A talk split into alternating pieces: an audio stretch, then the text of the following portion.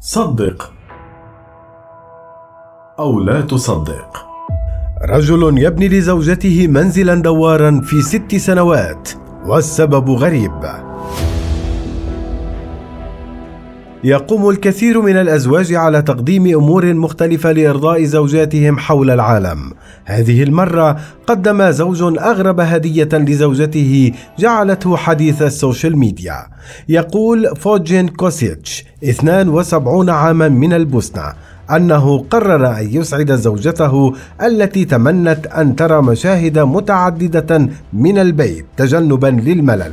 فقرر بناء بيتا دوارا يجعلها ترى شروق الشمس في لحظة والمرة العابرين في اللحظة التالية. ويتابع في تصريحاته لعدد من وكالات الأنباء. كانت زوجتي كثيرا ما تعيد تجديد بيتنا حبا في التغيير. فقلت سأبني لك بيتا دوارا تلفينه كيفما شئت ومن هنا جاءت فكرة بناء المنزل بهذا الشكل.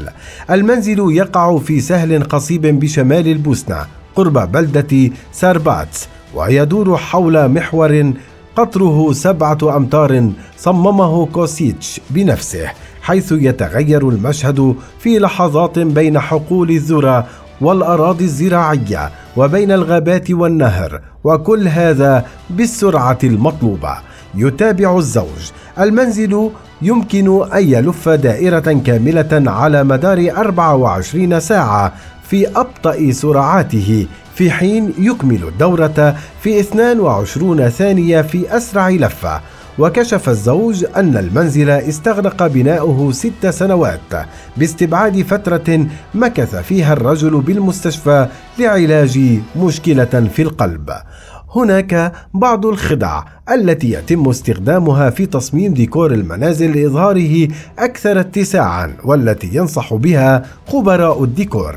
إن الأرضيات الفاتحة تمنحنا دوما شعورا بأن المساحة أكثر وسعا على خلاف تلك الداكنة التي تحدد زوايا وحدود المكان وتظهر حجمه الحقيقي وذلك يعود لانعكاس الضوء على الأرضيات الفاتحة كالأبيض والرمادي والبيج وفي حال كانت الأرضية خشبية فعليك إذا انتقاء اللون الخشبي الفاتح وليس الداكن.